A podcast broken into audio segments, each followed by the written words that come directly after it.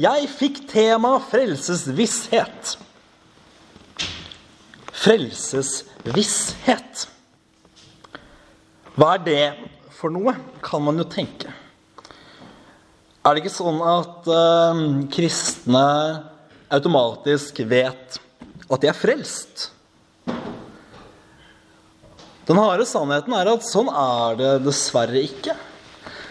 Mange som kaller seg kristne, sliter med å vite om de er frelst. De kan kanskje tro, si at 'jeg tror på Jesus', men troen kjennes ikke sterk. Spørsmålet vokser inni deg. Er troen min sann? Er det ekte? Eller lurer jeg bare meg selv og andre? Flere ting man kan tenke på, er jo Jeg synder jo fremdeles. Det er flere sånne ting som kan vokse fram i en trone, som gjør at man kan bli usikker på frelsen. Jeg tror det er veldig mange som har opplevd det.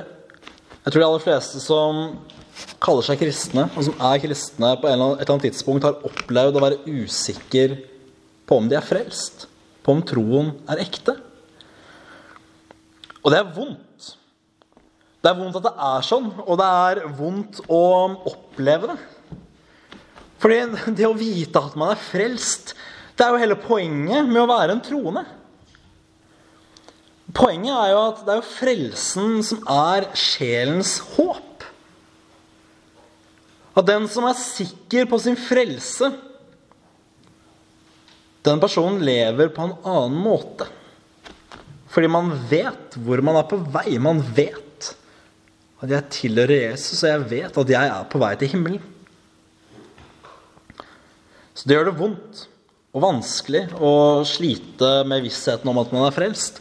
Og Derfor er jeg så takknemlig for at dette ble satt som tema. For jeg tror det er viktig å snakke om. Det er fort gjort at det drukner i sånn gladkristendom hvor alt er bra hele tiden, og så tør vi ikke snakke om det vanskelige. Og Romerne 10 og Johannes 10 Ingen av de er valgt ut tilfeldig. Det er gode steder i Bibelen som forteller oss noe om hva frelse er, og om hvordan vi kan vite at vi er frelst. Men vi må først begynne et sted, og det er hva frelse ikke er. Nå skal vi ta hva frelse er etter hvert, men først må vi begynne med hva er ikke frelse. Vi begynner med det negative for å få det unna. Og da er det to ting. Frelse er ikke hovedsakelig en følelse. Man kan ha gode følelser knyttet til frelsen, og man kan ha gode følelser knyttet til troen. Men det er ikke en følelse som frelser deg. Og frelsens konsekvens er heller ikke en følelse.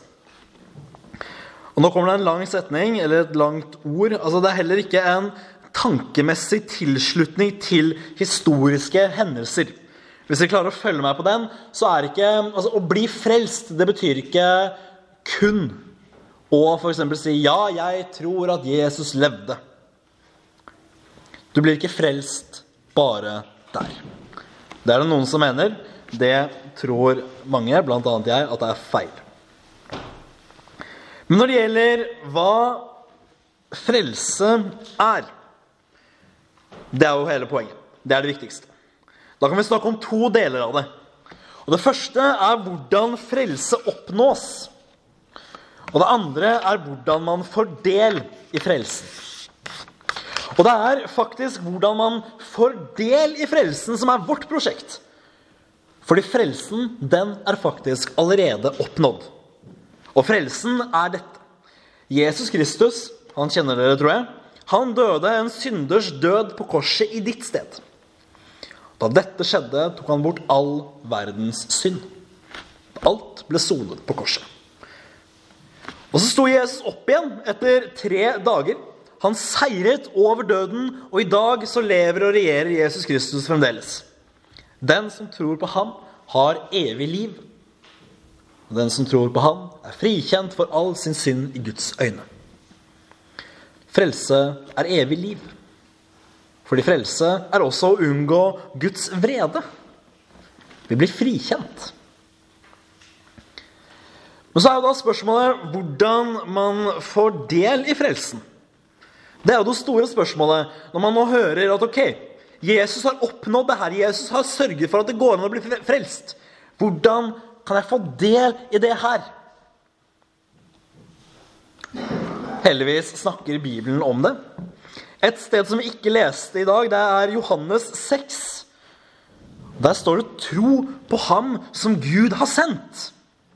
Der kommer noen mennesker til Jesus og spør hva vil du vi skal gjøre. Hvilken gjerning vil du vi skal gjøre? Fordi det er menneskets kanskje største problem. At vi spør alltid hva vi skal gjøre. Hva kan jeg gjøre for å bli frelst? Hva kan jeg gjøre for å blidgjøre Gud? Hva kan jeg gjøre for å gjøre godt igjen min synd? Det gode er at vi ikke kan gjøre noe som helst. Én ting kan vi gjøre, sier Jesus i Johannes 6. Tro på ham som Gud har sendt, altså Jesus. Og så, som det ble lest, Romerne 10.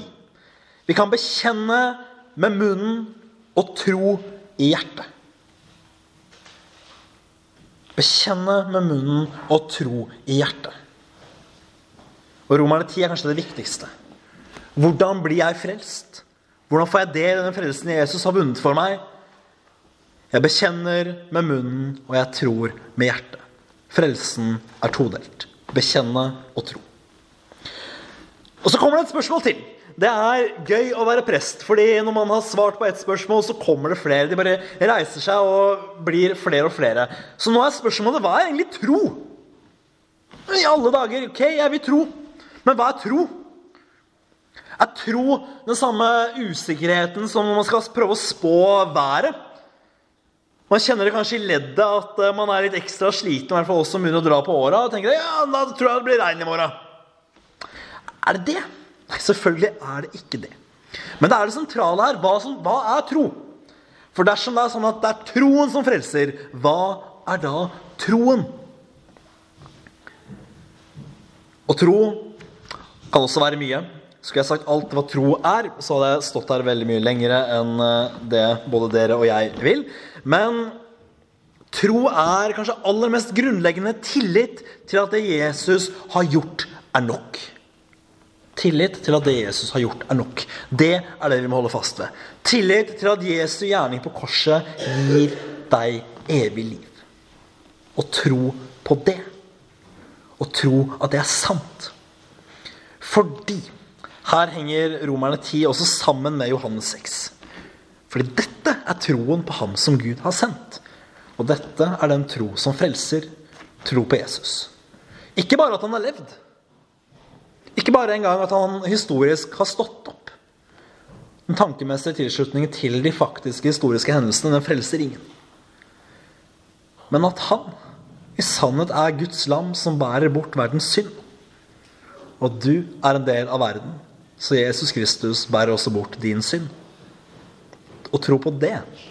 Det er den frelsende troen.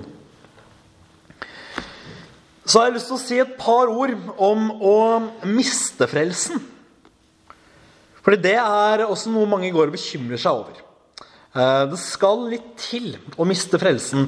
Noen mener at eh, hadde man kunnet miste frelsen, så hadde man gjort det. At vi mennesker er såpass håpløse. Jeg deler ikke helt den tanken. Men det er to ting. Altså Hvis man ikke lenger tror på Jesus, så har man ikke lenger del i den frelsende tro, og da har man også mistet frelsen eller aldri hatt del i den. Og hvis man over tid lever i opposisjon til Guds ord, slik det står i ja, Nå gidder jeg ikke å finne fram det, det tar så lang tid å bla i Bibelen. I 2. Johannesbrev 9, vers 9, der står det at den som går utover Jesu lære, ikke har del i Gud, eh, eller noe eh, i de linjer.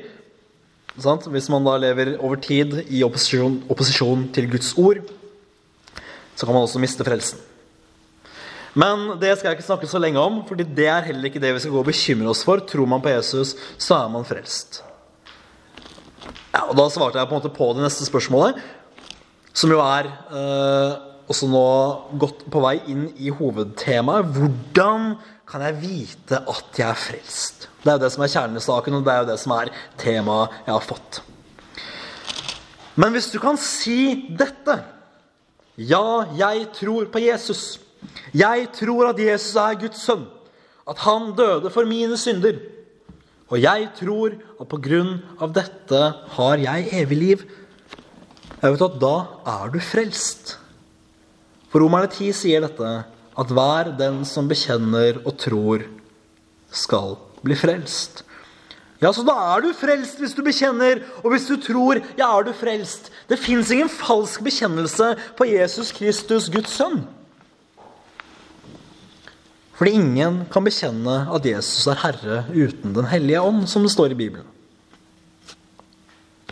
Og tror du på Jesus, så er du frelst. Stol på dette.